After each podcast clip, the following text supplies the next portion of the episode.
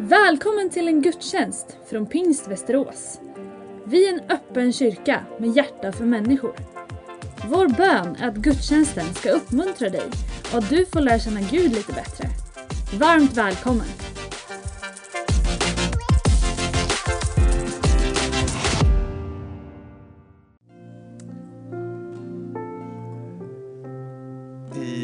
Pingstkyrkan på pingstdagen så är det väl en självklarhet att läsa Apostlagärningarna 2, verserna 1-4 som dagens text. Vi läser Tro på Guds ord i Jesu namn. När pingstdagen kom var de alla samlade. Då hördes plötsligt från himlen ett dån, som när en våldsam storm drar fram, och det fyllde hela huset där de satt. Tungor som av eld visade sig för dem och fördelade sig och satte sig på var och en av dem. Alla uppfylldes av den helige Ande och började tala främmande språk allt eftersom Anden ingav dem att tala. Amen. Varsågod och sitt ner. Om man eh, tänker inom sig att eh, Måtte man nu kunna hålla en predikan som inte förstör detta fantastiska vi redan har varit med om.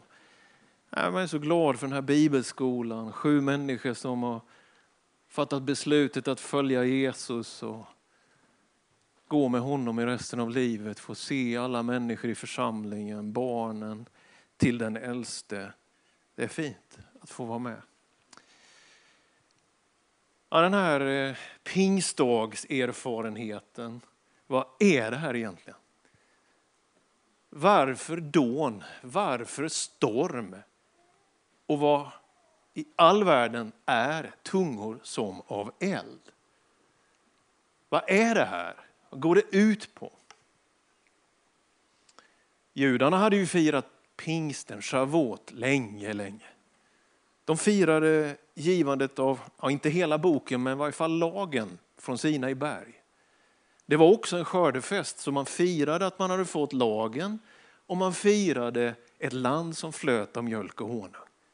Det var en av de stora högtiderna, så man skulle vara helst i Jerusalem. Det var fest, det var party. Det var lite extra mycket socker i baklavan. Liksom. Det var någonting utav eufori, av hänförelse, av glädje redan i den judiska pingsten. Låt oss komma ihåg det. Ibland när vi blir lite styva i hatten och säger att det här är den första pingstdagen. Det är inte den första pingstdagen. Men det är, kan man säga, den kristna eller den nytestamentliga pingstdagen. Man firade att man hade fått ett ord. Och det där rymmer en hemlighet utav vad pingstdagen handlar om ett ord, ett språk. Någon som säger någonting. Hur många av oss gillar inte att höra när någon säger, vad roligt att se dig. Vilken, vilken vacker skjorta du har köpt. Ja, du hade rutiga byxor och randig skjorta, men du är fin ändå. Kanske inte vi gillar den så mycket, jag vet inte. Det sägs ju att vi älskar att höra när någon säger maten är klar. Vi vet ju också att språket kan verkligen förstöra. Och ska man tro Jakob när han skriver i sitt brev om tungan så är det en eld som kan tända på en hel skog, det är roder för skepp, det är betsel i munnen på en häst. Det, det är någonting som faktiskt kan välsigna och bygga upp men också förbanna och bryta ner. Vi vet skvaller, förtal, hat som kommer genom våra munnar. Så det här är kraftfullhet, det här är någonting som på riktigt förändrar livet. Paulus skriver i Romarbrevet 4 att Gud talar om det som inte finns som om det redan fanns. En gång till. Gud talar om det som inte finns som om det redan fanns. Det är ett mönster genom hela den bibliska historien med början i skapelsen. Gud sa det var det ljus och det vart ljus. Det berättas att anden som hovrar sig över vattnet, Guds ande svävar över vattnet i begynnelsen. Anden är Gud, anden är evig, anden är en person. Anden är också på något sätt instrumentell i Guds agerande genom historien. Och redan för att skapelsen skulle bli till så är det en slags pingsterfarenhet Gud använder sig av. Anden är där och Gud talar och någonting blir till. Himmelens fåglar, markens djur, fiskarna i havet, allt detta enorma som är skapelsen, så är det ett ord ifrån Gud och anden verkar så blir någonting till. Det är ett ord vi firar idag. Ett språk. Någonting som går längre än den mänskliga förmågan skulle kunna göra. För antitesen till pingstdagen och Jerusalem är Babels torn och språkförbistringen. Man kan läsa om det i de tidiga texterna i Gamla Testamentet. Hur människan blev kaxig och högmodig och fixar själv och kan själv, snackar sig fram. Och Gud ser sig ingen annan råd än att faktiskt förbistra och språkförbistringen blir en verklighet. Och man kan inte förstå varandra för att inte mänskligt högmod skulle totalt leda till det alltid leder till, nämligen att vi inte bygger upp oss själva utan vi förstör varandra istället. Babels torn ligger där som en historisk ett jack i kurvan, en, en, en bedrövelse över den mänskliga bräckligheten. Och det Jakob säger då när han talar om tungan, vi begår alla många fel. Jag är inte oskyldig till dåligt prat i mitt liv. Jag är inte oskyldig till hårda ord. Jag är inte oskyldig till sarkasm. Jag är ju i alla fall 70-talist och tillhör den ironiska generationen. Inte helt ensam i det här rummet om det. Språket, orden, som också är så fantastiskt att Gud inte bara informerar med de här orden, utan han skapar någonting. Det föds någonting. Den här gruppen som är i den övre salen, 120 lärjungar, det är ju faktiskt en rätt så tilltufsad skara. Frågan är om de ens är sams internt. De är, de är ärrade utav det som har varit. De har låst dörren från insidan och de väntar här ska ge dig ett tips på en fantastisk lovsång som heter Waiting here for you. Att vänta här. Längtan. Men också detta inombords kluvna. Vad väntar vi på? Och när Gud möter oss, vad kommer han egentligen att säga? Jag har förnekat, jag har tvekat, jag har tvivlat, jag har flytt. Jag gjorde mitt bästa som inte blev så bra. Det är en grupp människor som är tilltufsade, påstår jag, som är där i den övre salen.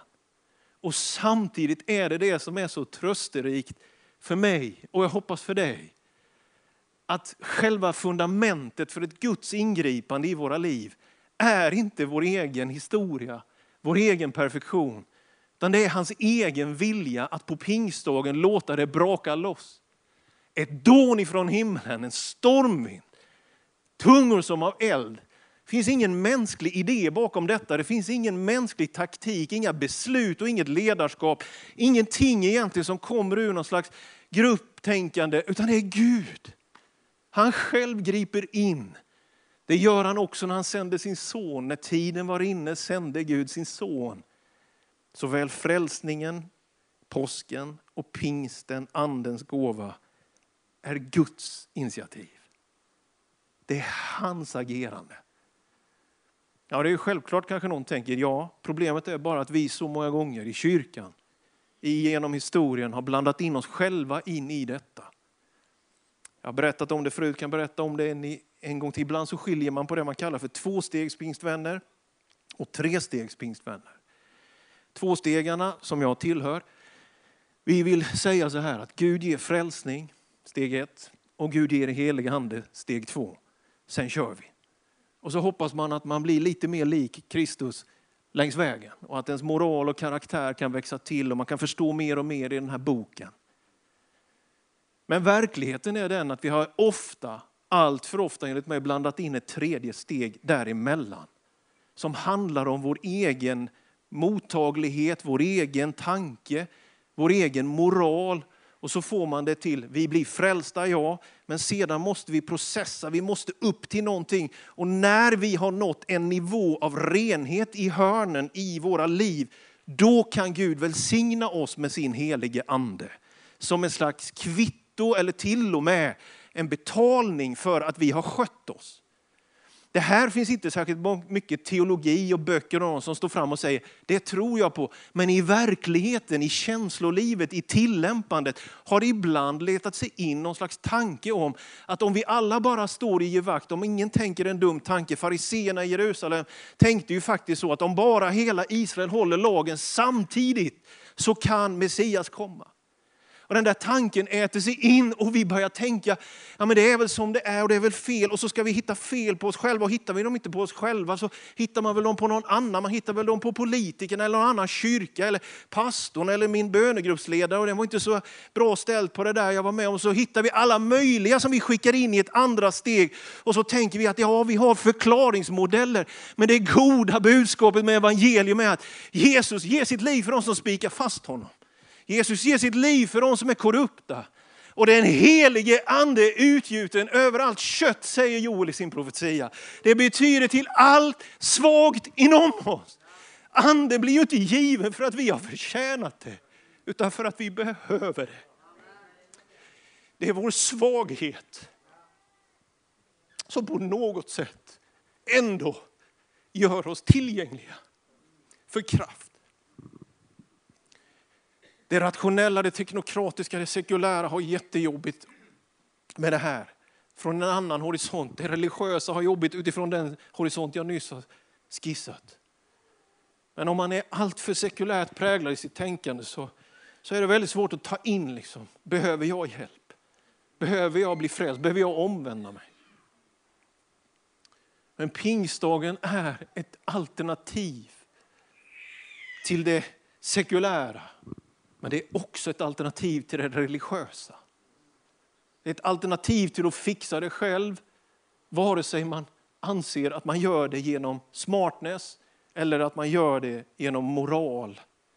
Det är något annat som händer på pingstdagen. Gruppen blir en församling, lärjungarna blir apostlar, det tysta blir outspoken, det stilla blir progressivt. Det händer någonting som kickar loss någonting som ingen kan stoppa. Och därför blir det en fantastiskt vacker frukt. Att möta honom är att vilja att andra ska möta honom. Att få ta emot kraft innebär en generositet emot andra, att också de ska få uppleva det som pingsten står för. Det får ursäkta mig om du kommer från andra traditioner. En del säger vi är emotionella, vi är känsliga, vi är känslosamma och klättrar på väggar. Allt vad det är. Ja, vet du vad? Det skulle verkligen hela Sveriges kristenhet behöva få bli lite mer berörd utav att det var inte smartheten och ansvarstagandet och kunnandet, utan det var ändå Gud själv som gav en ström i vilket det uppstod en gemenskap som heter kyrkan. Lovat vara Herrens namn. Behöver vi präglas i vår karaktär? Ja. Behöver vi utvecklas i vårt språk? Ja. Men det är visdom från himmelen att det språk Gud ger i kyrkan på pingstdagen, det har de inte pluggat sig till. Det har de inte läst sig till i någon ordbok. Det är inte lingvistik det här handlar om, utan det är andlig kraft ifrån höjden. Det är Gud själv, det är änglarnas språk, kan vi säga. det är ett kärlekens språk, detta kodade som ändå blir förstått i Jerusalem. De får förmågan på ett övernaturligt sätt där och då. Det finns inte så många fler sådana indikationer i Nya Testamentet. Men på pingstdagen så hör alla dessa som är i Jerusalem och talar andra språk om Gud på sitt eget språk. Det är någonting som kickar loss i den här lärjungagruppen som gör att det händer. Och de börjar berätta och de på något sätt får dessa eldstungor till att bli också sitt eget språk. Jag vet inte, men man tänker tungan, språket. Och samtidigt genom historien så har det också funnits lite understrykningar på det här som när Petrus lite längre fram i samma kapitel börjar predika så får han försvara vad som händer för de tror, fast det bara är förmiddag, att de är liksom berusade det här gänget. Så andeuppfyllelsen verkar ändå ha gjort att de uppträdde på ett, på ett berusat sätt. Och Petrus får på något sätt försvara det här. Manifestationen är så kraftfull att det kommer ut på något sätt. Vi är olika vi människor. En del berörs av det stilla, andra av det stormande. Jag tror inte vi ska läsa av det här egentligen som om att det är känslorna det baseras på. Men kanske heller inte förneka och förakta att ett möte med Gud så stiger tårarna ibland. Ett möte med honom så, så vill man dansa och jubla och vara glad. Att inte heller lägga ett lock på det. För varför i katten, nu är jag ju smålänning så jag får säga i katten här. Varför i katten är det så att skeptiker framstår som smartare? Varför är det lättare att framstå som lite intellektuellt verserad när man är kritisk och ifrågasättande?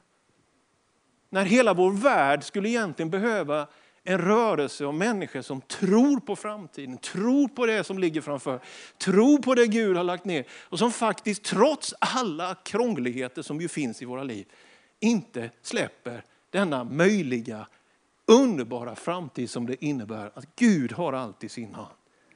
Att få vara positivt orienterad genom allt och tro på det som ligger framför, att det faktiskt har potential i sig att bli riktigt bra. Berusningen, beröringen, de uppfattas som på kanelen.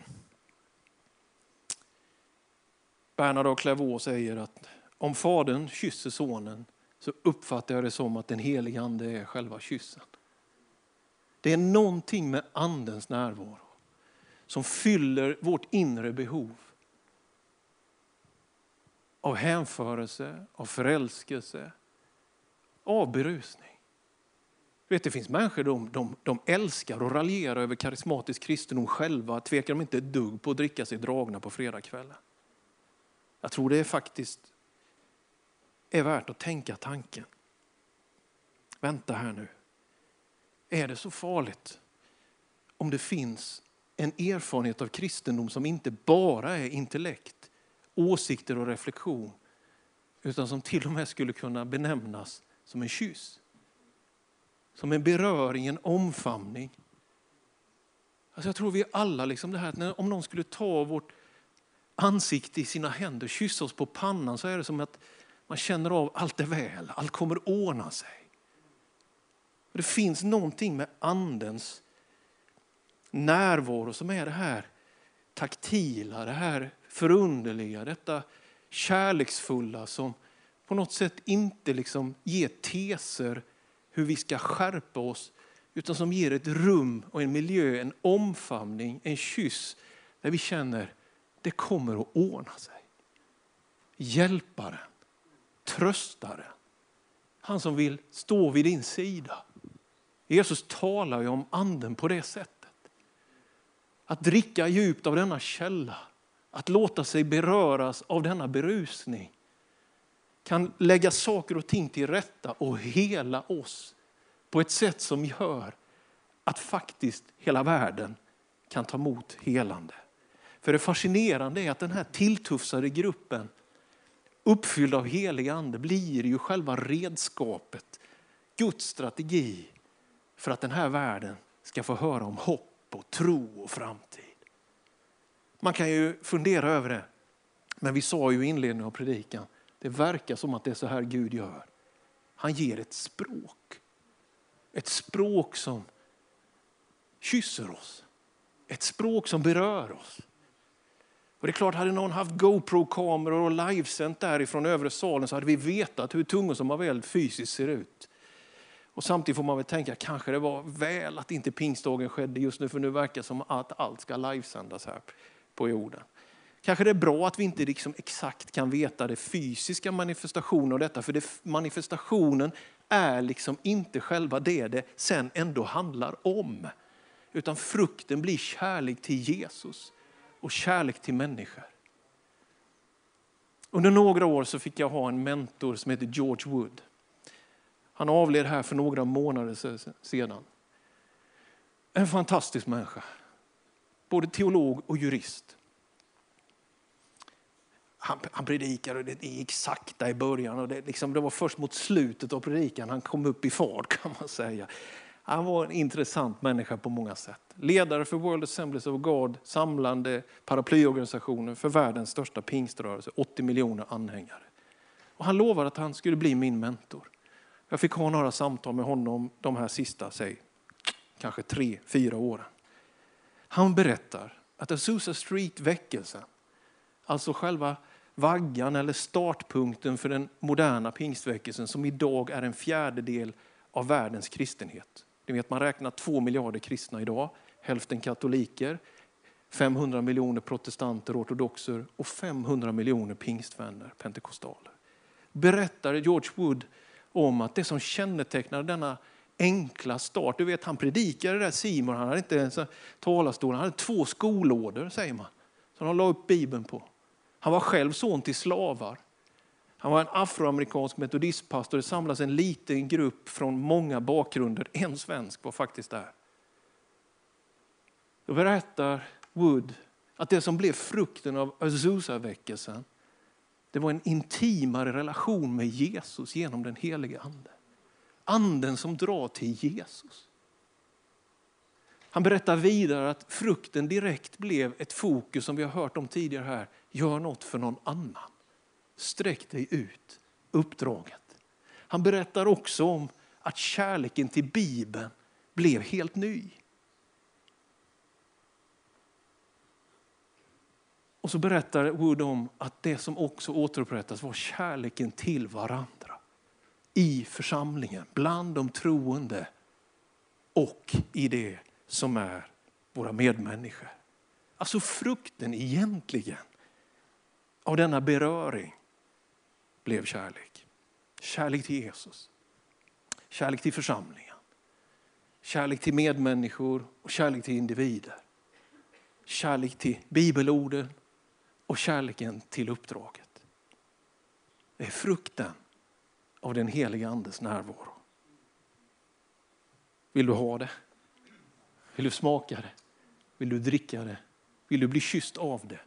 Vill du leva pingstens liv? Vill du bli döpt i den helige ande? Du kan tala i nya tungor och det är bara en början på ett rikt liv där det finns många olika gåvor och frukter.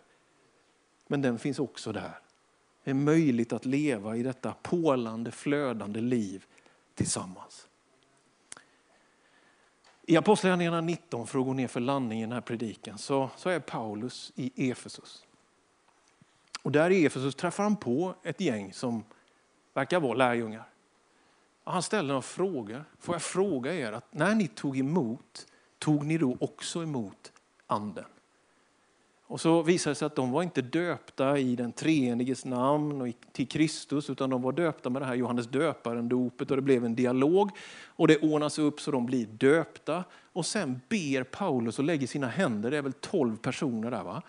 Så lägger han sina händer på dem och ögonblickligen sker det att de börjar tala i tungor och profetera. Det här är ett av många exempel på att den tidiga kyrkans ledare var väldigt noggranna med att man skulle fråga, kolla, uppmuntra till. Ja, du har tagit emot Jesus till frälsning.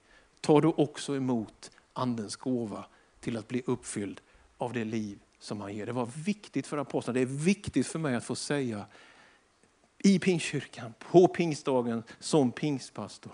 Glöm inte bort livet, vandringen, ta emot av den helige ande. Du kan för första gången eller som en återkomst, refreshment, liksom, bli uppfylld av detta liv. Det handlar inte om din historia. Det handlar inte om din kunskap. Det det i så fall handlar om är din öppenhet för det. Villighet att ta emot gåvan. Kvalifikationen är given. Du tittar på den där framme till höger. Det är det som är kvalifikationen för pingsten. Det är påsken. Det är inte vad du gör och inte gör. Det är vad han har gjort för dig. Grunden för pingsten heter påsken. Amen. Du har lyssnat på en gudstjänst från Pingst Västerås. Har du frågor om församlingen eller vill veta mer om kristen tro kan du gå in på vår hemsida vasteras.pingst.se. Varje söndag firar vi gudstjänst tillsammans klockan 10.30. Välkommen att vara med via webben Sök efter vår Youtube-kanal, Pingst Västerås, så hittar du livesändningen.